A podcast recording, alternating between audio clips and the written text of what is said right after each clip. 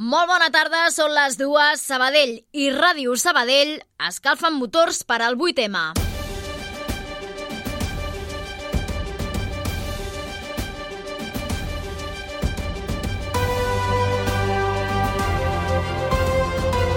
Notícies migdia.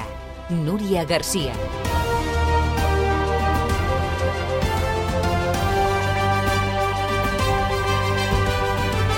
L'Ajuntament ha presentat avui el programa d'actes amb motiu del Dia Internacional de la Dona que per primer cop inclou tota una setmana d'activitats organitzades per l'emissora municipal. Seran una cinquantena d'actes en total arreu de la ciutat i repartits en diversos dies. Així ho ha assenyalat la regidora d'Igualtat i LGTBI+, Rosa Pareja. Enguany, el nombre d'activitats s'ha incrementat un 10% en comparació a l'any passat, seran 54 activitats les programades i de diferents tipologies.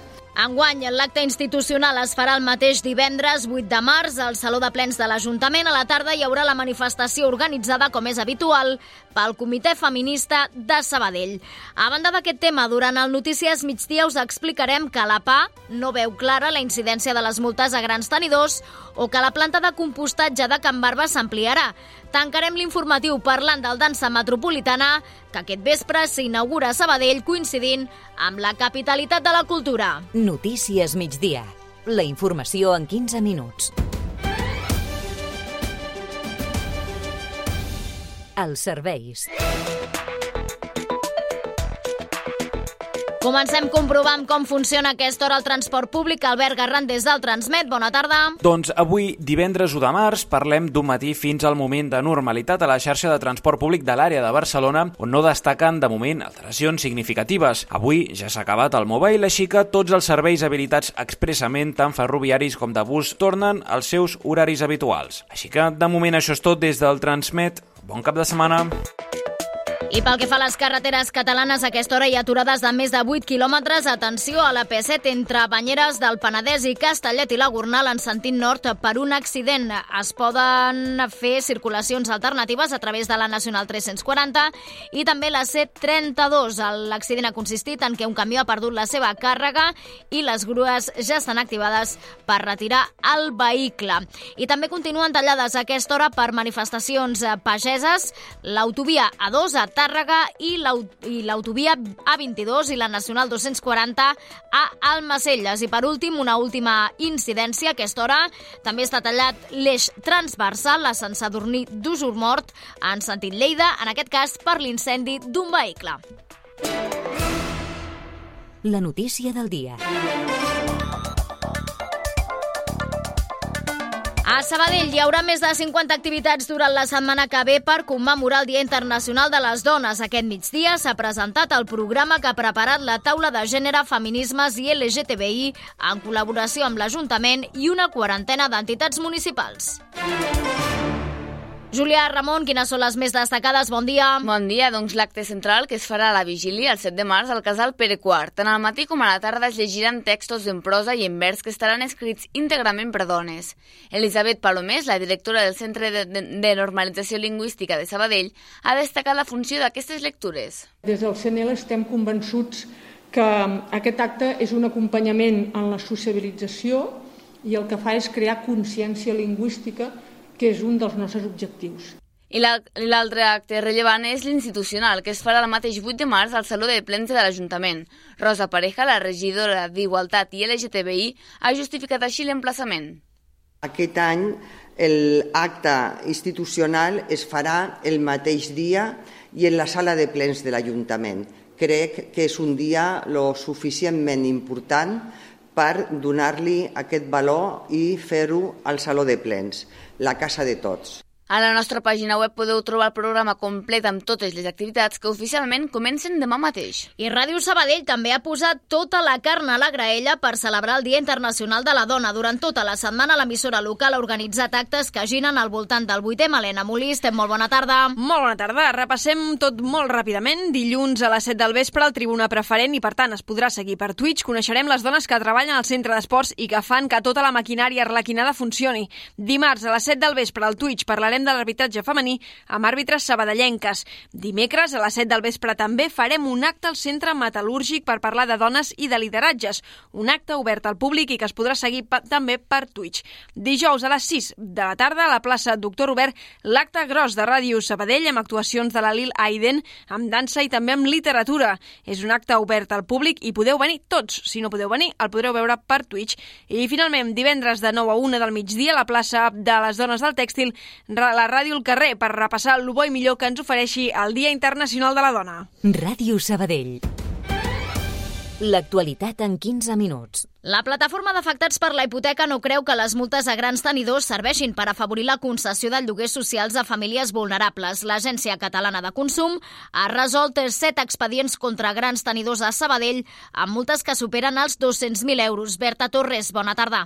Bona tarda. La portaveu de la plataforma, Aida Guidus, ha reconegut que aconseguir un lloguer social ara per ara és molt complicat, tot i que l'administració acrediti la vulnerabilitat de la família. Al seu parer, els bancs i fons voltor els hi surt més a compte pagar una multa que complir la llei. Són declaracions al Cafè de la Ràdio. Continuen havent desnonaments, les famílies continuen sense que se'ls ofereixi lloguer social. O sigui, el que volem dir i recalcar és que creiem que els grans tenidors els hi surt més a compte pagar la multa i deixar el pis buit per especular que facilitar el tràmit de que una família tingui un lloguer encara que sigui social i llavors prefereixen més pues, aquesta via de, bueno, pues, ens multen, ok, paguem i continuem especulant i fent que l'habitatge sigui una mercaderia. La portaveu de la plataforma d'afectats per la hipoteca ha apuntat que Sabadell és la quarta ciutat catalana amb més pisos buits a mans de grans tenidors. Segons l'últim recompte de l'Agència de l'Habitatge de Catalunya, actualment hi ha al voltant de 5.700 immobles buits al municipi. Més qüestions. La planta de compostatge de Can Barba Terrassa rebrà una inversió de gairebé 4 milions d'euros per poder tractar més residus. Sí, la capacitat actual de 21.000 tones s'ha quedat petita i per això és urgent, ha dit Rafael Hueto, el president del Consorci de Residus del Vallès Occidental, ampliar-la. La capacitat que té la planta de Can Barba ara, a hores d'ara ja és insuficient i necessitem aquest projecte d'ampliació que ens permeti doncs, afrontar aquests reptes de recollida selectiva i ens permeti fer un salt quantitatiu important en les tones de, de, de fracció orgànica que haurem de gestionar en aquesta planta. La previsió és que es licitin els treballs a finals d'any i que de cara al 2026 ja estiguin llestit. Tota la informació a Ràdio Sabadell. I atenció perquè el doctor més mediàtic de la ciutat, Manel Cervantes, s'ha jubilat. Després de més de 40 anys treballant al Parc Taulí, l'excap de malalties infeccioses penja la bata després d'uns últims anys, Helena, ben intensos. Sí, de fet, Cervantes havia de plegar pocs dies abans de l'esclat de la pandèmia el 2020, però l'explosió de casos de Covid va fer que retardés fins aquest 19 de febrer la seva jubilació. En una entrevista al programa El Cafè de la Ràdio, Cervantes ha defensat que aquells primers mesos van ser absolutament terrorífics el més dur és que la gent, especialment la gent gran, es morien com a mosques i, i no s'ha de fer servir eh, gaires paraules per, per deixar-ho més bonic. Ara, contràriament al que ell mateix es pensava abans de jubilar-se, Cervantes no es desvincularà del tot del taulí, on intentarà col·laborar-hi d'alguna manera, ja sigui fent xerrades o ajudant. Altres notícies en format més breu, Etos amplia el seu Consell Consultiu. S'hi ha afegit l'exregidor Ramon Burgués i l'exsíndica municipal de Greuges de Bavellan. L'objectiu de les incorporacions és reforçar el Consell Consultiu, que té com a funció assessorar la Junta Directiva de l'entitat sabadellenca per a la prevenció i la rehabilitació integral de les addiccions. Obertes les inscripcions pels casals municipals de Setmana Santa. Són propostes per infants de 3 a 12 anys. Es faran entre el dilluns 25 i el dijous 28 de març, de 9 a 2 al casal cívic i comunitari Centre, al carrer Sant Sant Josep i al Casal Cívic i Comunitari de Gràcia al carrer Reina Eleonor 110. Es lliuren els premis del concurs La Paradona del 2023. Un certament amb més de 50 anys de tradició que cada any organitza la Cambra de Comerç de Sabadell. El primer premi va recaure en la immobiliària Franjo de Barberà, el segon en el comerç Montse Flower de Palau Solita i Plegamans, mentre que el tercer el va recollir la perruqueria My Hair Salon de Montcada. El lliurament dels premis es va fer ahir al vespre en un acte a l'Hotel Urpí que va aplegar 150 persones. Va estar presidit per Jordi Torrades, director general de Comerç de la Generalitat. I avui comencen als cinemes Imperial els plats forts de la gran pantalla. Nunca he hecho nada interesante ni destacable en mi vida. Hola. Soy Leo, tú debes de ser Nancy. Quiero ser una mujer de mundo. Buena suerte, Leo Grande. Es projecta avui a dos quarts de sis de la tarda. Pau Duran, bona tarda. Bona tarda, Núria. Una hora abans podeu passar a buscar les invitacions per aquesta pel·lícula protagonitzada per Emma Thompson, que interpreta una vídua jubilada que descobreix el bon sexe. La mostra internacional de cinema 60 més continua demà amb el documental Toda una vida, que retrata 12 anys de la vida d'uns avis quan apareix l'Alzheimer. Diumenge serà el torn de Loli Tormenta, la comèdia d'Agustí Villaronga sobre una àvia moderna i caòtica que té al seu càrrec a dos nets i que amaga la seva malaltia per enganyar l'entorn que pretén separar-los. El festival està organitzat per l'Ajuntament i l'Associació Cultural El Parlante. ¿Cuántos años tenía la persona más mayor con la que... 82. ¿82? Sí. ¿82? Nancy. Vale, ya me encuentro mejor. I la temporada del 30è aniversari dels Saballuts comença aquest cap de setmana.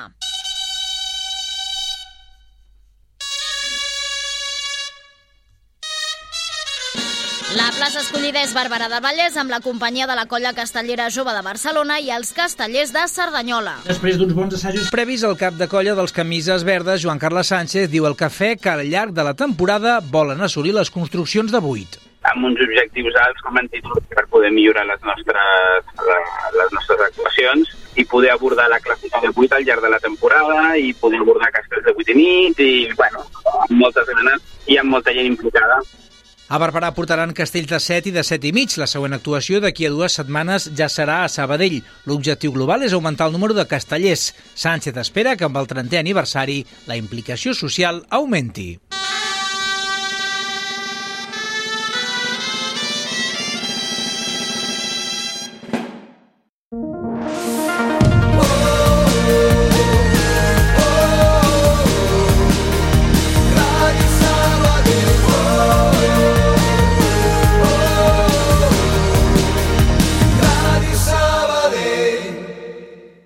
Catalunya està en emergència per sequera.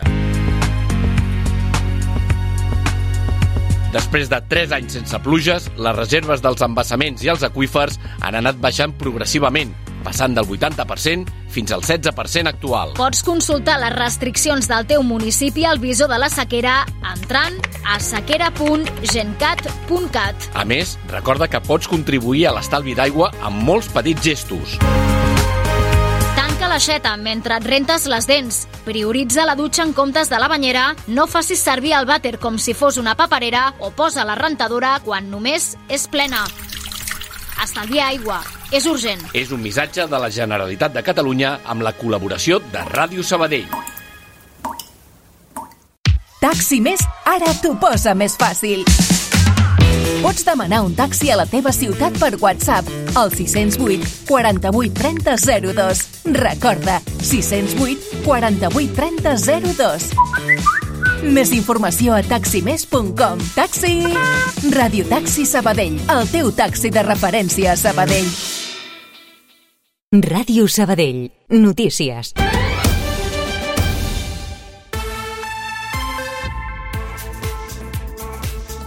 Dos minuts per arribar al punt d'un quart de tres. Afegim altres informacions eh, fora de Sabadell. El PP exigeix la dimissió immediata de la presidenta del Congrés, Francina Armengol. Denuncien que Armengol, presidenta del govern balear durant la pandèmia, coneixia i va col·laborar en el cas Coldo. Segons els populars, Armengol va avalar la trama en certificar la validesa de les mascaretes a petició de l'empresa, tot i saber que no tenien prou qualitat. El PSOE, per la seva banda, demana que comparegui el portaveu del PP al Congrés, Miguel Tellado. Segons la investigació, Coldo va assegurar a un dels empresaris de la trama que havia quedat amb Tellado per frenar la reclamació del govern balear. Tellado, però, ho ha negat tot. Els pagesos de Ponent mantindran el tall a la 2 fins dissabte. Sí, no confien en l'acord que van signar ahir el govern català i les principals associacions del sector. El govern ha acceptat gairebé totes les peticions dels agricultors i ha anunciat que participaran en el debat de política agrària de la setmana que ve al Parlament. Revolta Pagesa ha lamentat la decisió, ja que un dels compromisos ha estat el desallotjament de les carreteres. De fet, els pagesos que ocupaven la P7 i l'N2 ja han aixecat els talls. Cultura. La setena edició del Festival Dansa Metropolitana comença avui a Sabadell amb la batalla freestyle B-Soul All-Star Battle. Karen Madrid, bona tarda. Bona tarda. Els Soul Headquarters són els promotors d'aquesta primera proposta a l'Skate Park del Parc Catalunya. N'ha parlat el director de l'entitat, David Castejón, en declaracions al programa al matí. Hem reunit a 40 dels millors ballarins que han passat per les 10 edicions del Bissoul, del nostre festival, Uh -huh. eh, formant equips de 5 persones, per tant tenim 8 equips de 5, eh, on nosaltres vam escollir a 8 capitans que van formar els seus equips eh, amb, doncs, com et deia, amb alguns dels millors ballarins mm, d'Espanya. A més, a la plaça de l'Argup s'interpretarà la peça Prelude a càrrec de la companyia Acrorap, tot plegat dins d'un certamen que ha aprofitat la capitalitat de la cultura catalana per programar vuit actes gratuïts en diferents emplaçaments de la ciutat. Fora de Sabadell s'involucren una dotzena de municipis on es podran veure 270 espectacles. El temps.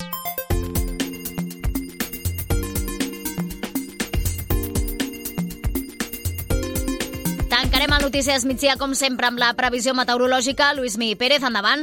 Bon dia, un temps molt tranquil, el que tenim a hores d'ara, per tant ha començat el mes de març amb força sol, per bé que aquesta nit passada ha estat plovent. Hem de dir que a hores d'ara el cel està ja diem força destapat, només tenim alguns núvols poc importants al Pirineu Lleidatà i també algun núvol dispers per la Catalunya central. Al llarg d'aquesta tarda continuarà aquest cel més aviat destapat, quatre núvols prims i els núvols més gruixuts a la banda nord lleidatana, on de fet s'hi espera algun ruixadet de neu cap als 1.400 metres. El vent de tramuntana i de mestral aquesta tarda aniran a menys i la temperatura molt agradable. La veritat és que el sol ajudarà a que l'ambient sigui molt confortable. Cap de setmana ja de canvis. Demà al matí pluges a Lleida.